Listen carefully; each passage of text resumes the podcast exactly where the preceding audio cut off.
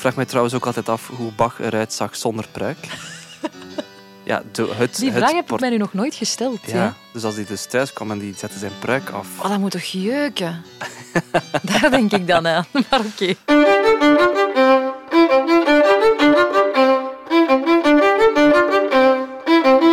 En hier zijn we weer. Dag Sander. Dag Clara. Alles goed? Alles goed? Amai, je ziet er zo gelukkig uit. Ja, tuurlijk. Oké. Praten over klassieke muziek. fantastisch.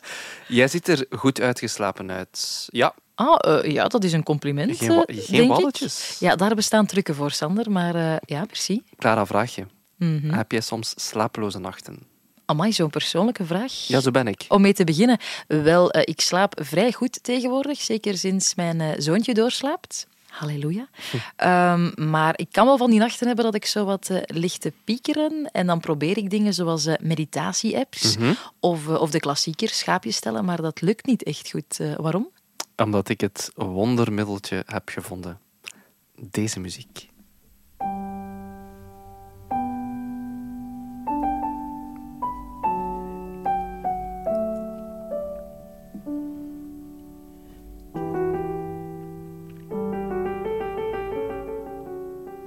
Dit is jouw wondermiddel. Maar je weet wat het is, de muziek? Ja, dit zijn de Goldberg-variaties, hè? Van Johann Sebastian Bach. Ja, als we het over eh, klassieke muziek hebben, dan kunnen we niet eh, zonder Bach, wordt ook wel de, ja, de god van de klassieke muziek genoemd. Hè. Ben Mhm. jij zo'n eh, Bach-believer? Ja, eigenlijk wel. Ehm, ik vind bij Bach komt alles samen. En ook als je naar latere muziek luistert, ehm, voel je altijd wel Bach-invloeden terugkeren. Dus die man heeft echt wel de perfecte mosterd gemaakt. En het is een wiskundige formule voor mij. Die muziek die heel wiskundig in elkaar zit, eh, maar die wel klopt. En waar ook emotie in zit. Ja, de twee Dus- komen mooi samen. Hè? Super mooi samen. Dus echt zo ja, de intellectuele wiskunde, maar dan ook de, de gevoelsmens. En dat is Bach. Het is alsof je eh 100 of 200 keer naar je lievelingsfilm kijkt en altijd toch iets anders ontdekt of zo. Trouwens ook heel veel mooie koormuziek, hè, want Bach was vooral een kerkcomponist. Dus, eh, maar ja, toch die Goldberg-variaties. Johann Sebastian Bach, een componist waar al heel veel over gezegd en geschreven is. Mhm. Maar Sander, eh, jij krijgt van mij 30 seconden om hem kort even voor te stellen. Ik weet dat is geen cadeau. Nee, Nee, maar ik heb er het volste vertrouwen in. ga je wel goed aftellen. Ik hè? zal aftellen. Oké. Oké. Drie, twee, één. Johann Sebastian Bach, geboren in 1685 in Eisenach uit een grote Bach-familie die al meer dan 100 jaar bestond en uit heel veel muzikanten bestond. Eh, orgelmuziek was eh, de rode draad in zijn carrière. Eh, als je naar een citytrip wil gaan voor Bach, dan moet je naar Leipzig gaan, want daar was hij verantwoordelijk voor de kerkmuziek in verschillende protestantse kerken. Schreef heel veel koormuziek, onder andere muziek voor het preek van de week in de kerk. Hij had 20 kinderen, gestorven in 1750. De dood van Bach betekende ook de dood van de barokke muziek. Ja, oeh, Ik heb nog tijd over. Dit, Wow. dit heb ik nog nooit meegemaakt. Sander die tijd over heeft bij een samenvatting. Ik, ik, ik, ik heb dan het gevoel om te zeggen, sorry Bach. Nee, absoluut niet. Maar ik moet wel bekennen, Sander, ik ben gestopt met luisteren toen je zei twintig kinderen. Twintig kinderen? Wauw, ik, ik wist dat het er veel waren, maar niet zoveel. Het was wel bij meerdere vrouwen. Ja, gelukkig voor die vrouwen. Ga ze niet alle twintig Nee, opnoemen. we gaan niet heel de stamboom van de Bach-dynastie overlopen, maar eh, De Bachs, ook na Bach, die nieuwe generaties, waren ook heel goede muzikanten. de Goldberg-variaties, Ja. daar hadden we het over. Hè? Ja. Eh, een titel die eigenlijk bestaat uit, uit twee delen. Goldberg en, eh, en variaties. Mhm. Klopt, hè?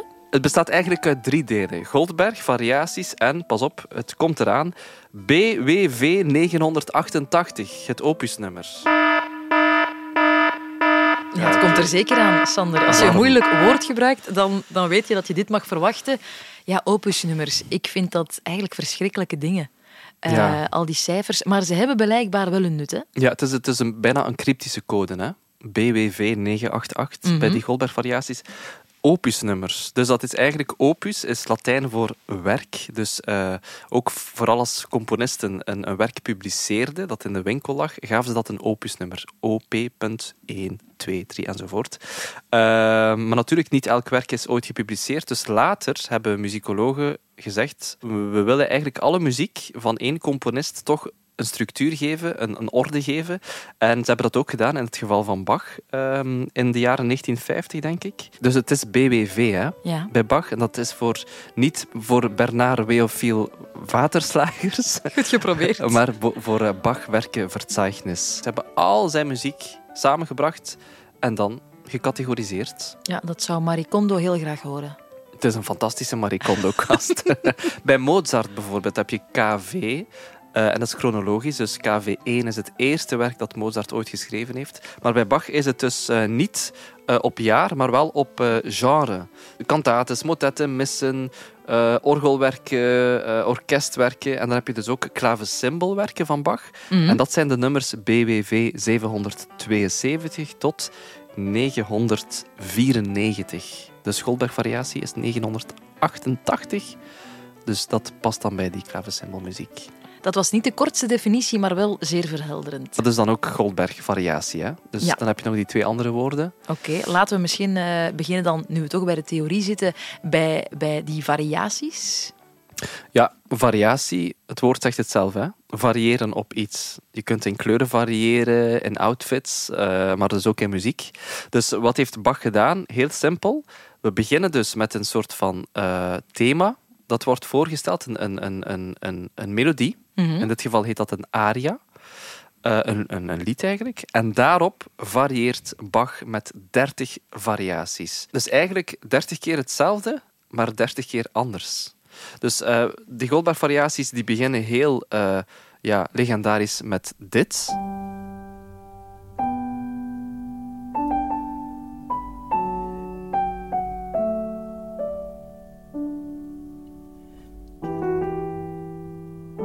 Dit is de aria. hè? Dit is de aria, daar begint het mee. Dus dit is nog geen variatie. Het duurt een paar minuten. En dan komt dus de eerste variatie. En dat is dan dit.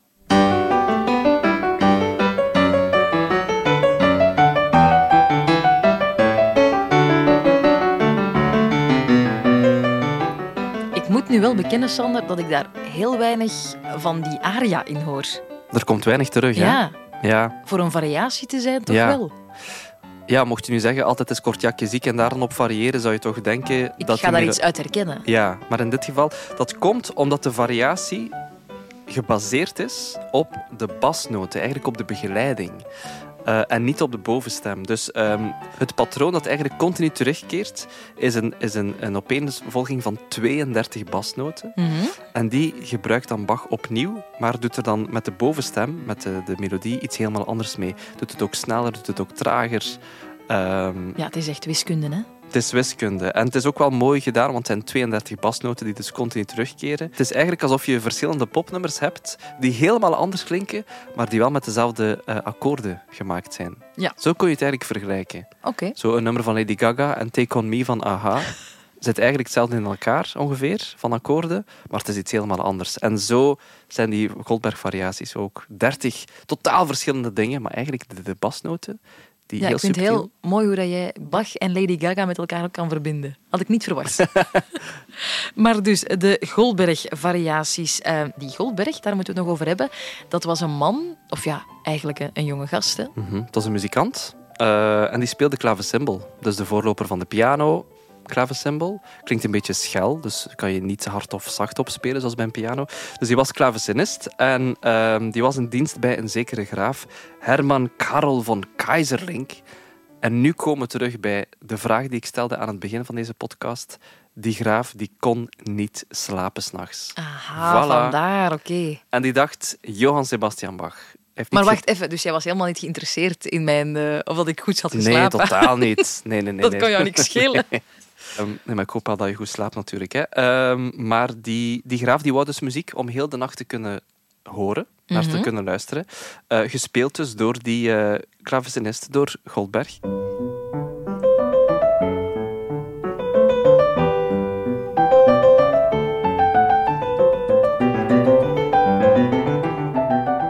Ja, maar misschien niet onbelangrijk, want dat is een titel die eigenlijk pas achteraf eh, gegeven is aan het werk. De oorspronkelijke titel die is iets langer en ik vertaal voor de gemakkelijkheid even in het Nederlands. Mhm. Ik ga nog even diep ademhalen, want het is een lange titel. Klavieroefening bestaande uit een aria met verschillende veranderingen voor klavecimbal met twee manualen, gecomponeerd voor de liefhebbers ter verstrooiing van hun gemoed door Johann Sebastian Bach. Het is een uh, poëziebundel. Het is, een, po het is echt een poëziebundel. Het is een, een, mooie, maar ook een heel lange titel. Hè? Ja, het is wel interessant, de titel. Klavecimbal met twee manualen, want de Goldberg-variaties... Ja, de piano bestond nog niet, hè? Nee. Dus het is echt geschreven voor de voorloper van de piano. Met dus twee manualen, dus twee klaviertjes. Dus met die ene hand op het ene, met die andere hand op, het, op de andere toetsen. En, uh... Om het nog moeilijker te maken. Ja, of net niet. Want soms zaten dus die linker en de rechterhand in elkaars lijnen of moesten ze dezelfde noten spelen. En dus als je er twee had, zat je niet in elkaars ah, ja. weg. Oké. Dat is wel slim gezien. Ja. Uh, maar ook wel poëzie ter verstrooiing van hun gemoed. Mooi, hè? Ja, mooie titel. En eigenlijk de enige titel waar we echt zeker van zijn. Het is wel waar, want um, heel het verhaal rond die Goldberg is pas opgedoken 50 jaar na Bach zijn dood. Dus dan is zijn eerste biografie verschenen van een zekere Forkel. En die praat dan over uh, die variaties. Hè. En die zegt van ja, dat is gecomponeerd voor die Goldberg. En vanaf dat moment praten we over de Goldberg-variaties. Maar Eigenlijk... Weten we dat niet zeker. En er zijn ook een paar tegenargumenten. Ja, oh, Clara, nee, nee, nee. Er zijn heel veel pro's. Ja, oké, dan mag jij beginnen. Welke pro's heb jij? Bijvoorbeeld, uh, dus die graaf, hè, die niet, niet kon slapen. Uh, Bach die wilde eigenlijk solliciteren bij hem voor een nieuwe job. Want die zat toen in Leipzig, maar die wou eigenlijk iets anders doen. Dus die dacht, misschien moet ik muziek schrijven voor zijn klavecinist. Is een plusje. Uh, die graaf was een persoonlijke vriend van Bach, zijn familie. Hij was ook peetvader van een kleinkind van Bach. En die Goldberg die heeft ook nog lesgegeven aan iemand van de Bach-familie. Dus ik denk, er zijn toch voldoende pro's om uh, te ik zeggen dat het is voor Ik vind dat toch allemaal vrij zwakke pro's. Sander, moet ik toegeven. Ik heb een paar tegenargumenten, luister goed. Want als Bach dit werk in opdracht van de graaf zou gecomponeerd hebben, dan zou dat ook op het titelblad hebben gestaan. Dat deden ze toen in die tijd. Dat is niet het geval. En die Goldberg, uh, we zeiden het al, dat was een jonge gast. Die was veertien toen Bach dit heeft geschreven. Ja, deze variaties zijn zo moeilijk. Ja. Kon iemand van die leeftijd dit al spelen? Ik Mm. betwijfel het. En dan toch nog een laatste uh, tegenargument. Sorry, Sander, maar dit is geen slaapmuziek. Dit is geen muziek om bij in slaap te vallen.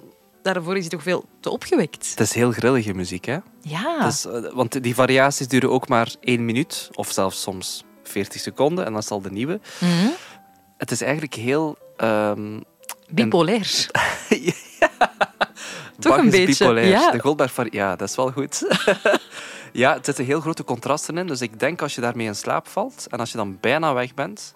Dan word je terug wakker. Ja, dan is. Oh, plots een meer een snelle variatie. Wat ik soms heb als ik aan het slapen ben en ik val bijvoorbeeld in mijn droom van een trap of zo. Dat gevoel. Ja. Toch heb jij dat niet? Ja, ik snap u.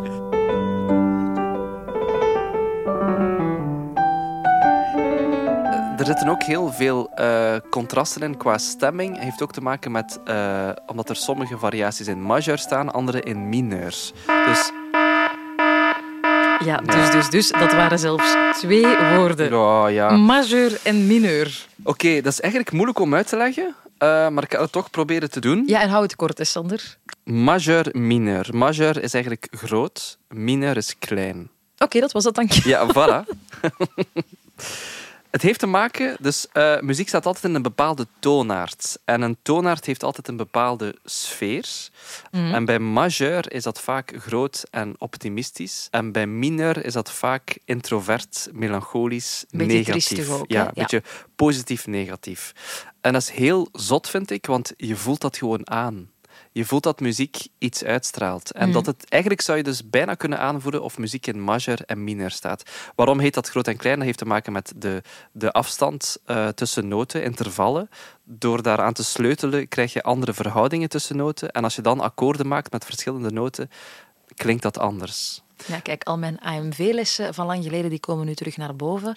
Een grote tertstoonladder, majeur. Mineur is een kleine tertstoonladder. Het simpelste voorbeeld, Clara.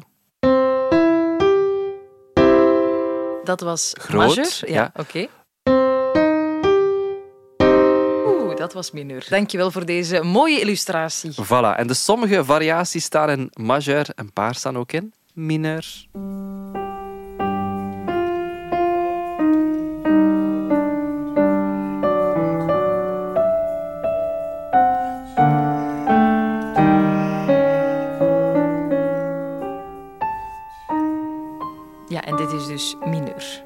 Dit is droevig. En welke variatie is dit? Variatie 15. Oké, dus dan zitten we in de helft. Ja, en dan heb je plots variatie nummer 16.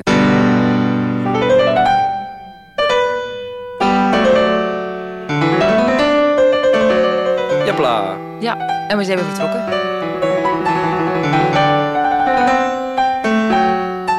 Heel puntig. Ja. Dit is ook Bach. Dit is Bach die zegt: Kijk, ik ben eh, een Duitse barokcomponist, Mhm. maar ik weet perfect hoe de muziek in Frankrijk klinkt. De Franse barok klinkt anders, heel puntig. Dit bijvoorbeeld, dit is echt Franse barok.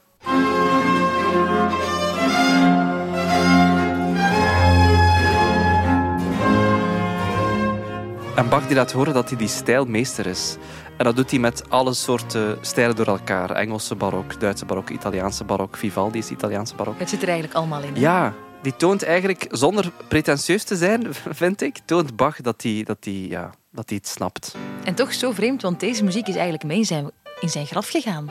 Ja, het is ook zo dat eh, vandaag is iedereen, oh, Bach, Bach, Bach, Bach, Bach. Maar eh, als Bach dood was in 1750, was hij echt vergeten. Vreemd, hè? Ja, zijn muziek is, is mee in zijn graf gegaan. En dan pas een kleine honderd jaar later is zijn muziek opnieuw herontdekt. Ehm, en is dat dan zo stilaan terug. Hè? Eerst in kleine kringen.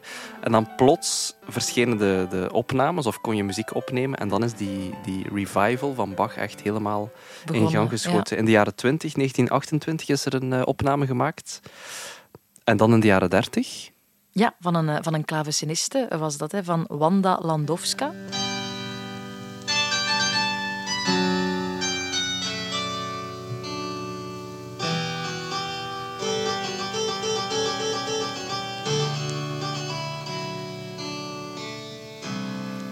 Klinkt oud, hè? Ja, heel oud. Maar ook wel mooi, maar gewoon helemaal anders. Het doet mij altijd zo beseffen dat, ja, dat dit de, de klank is die, die Bach ook kende. De klank van een piano kende Ja, zo Bach klonk het niet. toen. Ja. Ja.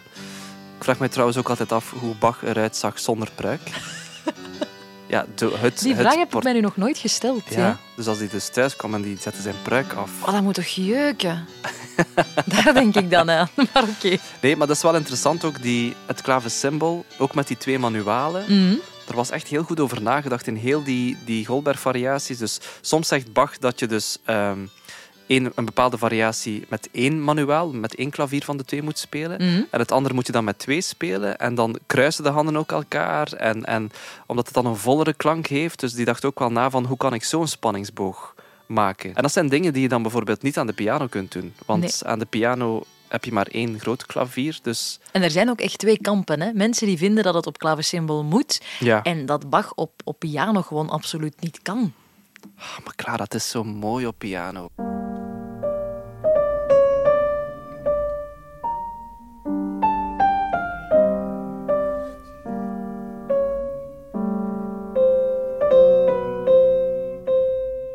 Goldberg zegt, zegt toch ook wel Glenn Gould. Hè? Glenn Gould, Canadese pianist. Ja, hij heeft de variaties twee keer opgenomen, in 1955 en in 1981. En weet je nog, eh, in de vorige aflevering hadden we het over de Bolero van eh, Maurice Ravel. Mhm. Een werk waarbij het echt allemaal draait om timing. Ravel die stond zelfs met een chronometer eh, naast het orkest. Maar Bach, en dat vind ik wel zo mooi, die, die laat de muzikant, in dit geval de pianist, heel vrij. En dat merk je ook bij, bij Glenn Gould. De eerste keer dat hij de variaties heeft opgenomen, dan eh, duurde het in totaal 39 minuten. Mhm. De tweede keer, eh, in 1981, 55 minuten. Dat is meer dan een kwartier verschil. Dus hij heeft echt zijn tijd genomen. Hij heeft echt zijn tijd genomen. Dus met ouder worden weet ik niet. Dit is dan de opname uit de jaren 50. Ja, dat is toch heel snel als je het vergelijkt met wat we net hebben gehoord. En dit is dan de jaren 80. Ah. Ja, dat is toch veel aangenamer. Ja. Er is ook beeldmateriaal van, hè, dat hij het speelt. Ja? Ja. Ja, Dus hij zat echt- altijd op zijn eigen stoeltje. Hij zat altijd zo heel laag, bijna helemaal om over de piano te kunnen hangen. Ja, de neus op de toetsen eigenlijk. Hè. Ja. En misschien is het daardoor dat we hem ook zo vaak horen meeneurien. Ja. Kan, hè? Want dat is wel echt hè, bij Glenn Gould. Hij, ja. zingt bijna zo nog een extra melodielijn mee. Zo het meeneurien, mee zingen dat hij doet, is bijna even legendarisch Ja. als zijn pianospel. is het storend? Ik vind het niet. Ik, bij sommige opnames, niet van Glenn Gould, kan ik me daar wel eens aan storen. Maar in, de, in zijn geval vind ik het bijna schattig.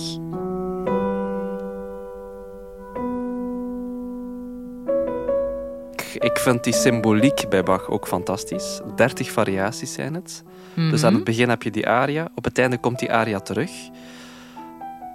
En is het nu toeval of niet dat ik nu net ook 30 seconden heb voor jou mooi, mooi, mooi. om... Die ik mag meeneurien. Ja, maar vul vooral in als een soort van samenvatting van de Goldberg-variaties. 30 seconden. Ja, Klaar voor? ik ga mijn best doen. 3, 2, 1, go! De Goldberg-variaties van Johann Sebastian Bach, een Duitse componist die niet alleen goed was in kinderen maken, maar ook in muziek schrijven. Hij schreef heel veel kerkmuziek, maar ook de Goldberg-variaties in 1741 begint met een aria, daarna 30 variaties en dan komen we terug eh, bij de aria. Hij zou het werk geschreven hebben voor een graaf die niet kon slapen, maar dat weten we niet zeker, dus dat is misschien fake news. Muziek is ook niet echt slaapverwekkend eh, en als je één opname moet horen, dan is het die van Glenn Gould. Er bestaan ook heel veel bewerkingen van. En als Bach de god is van de klassieke muziek, dan is dit de Bijbel. Oh! Nice. Ja, kijk. Goed. Ik heb toch veel gezegd, hè? Ja, je hebt veel gezegd. Ja, Dat is eigenlijk een perfecte samenvatting. dankjewel. Ja, ik was vroeger ook op school altijd heel goed in samenvattingen. Ja, Mensen ja, gaven daar geld voor. jij, ja, jij bent beter in samenvattingen dan ik. En met die Goldberg-variaties van Bach, Clara, probeer ik ook altijd een manier te bedenken om te variëren in het afscheid van deze podcast. Ah, dus dat ben je nu aan het doen op dit Ik moment. ben nog een beetje aan het zoeken hoe je ik... bent eh, aan het variëren. Ja, dus eh, ik kan zeggen tot volgende week. Of, eh, Of je kan ook doen... Wat is dat? Glenn Gould. Amai, ik dacht een of ander jazznummer. Ergens in een jazzbar in New York onder de pombak. Ik was aan het meeneuren. Oh, tot volgende week. Tot volgende week.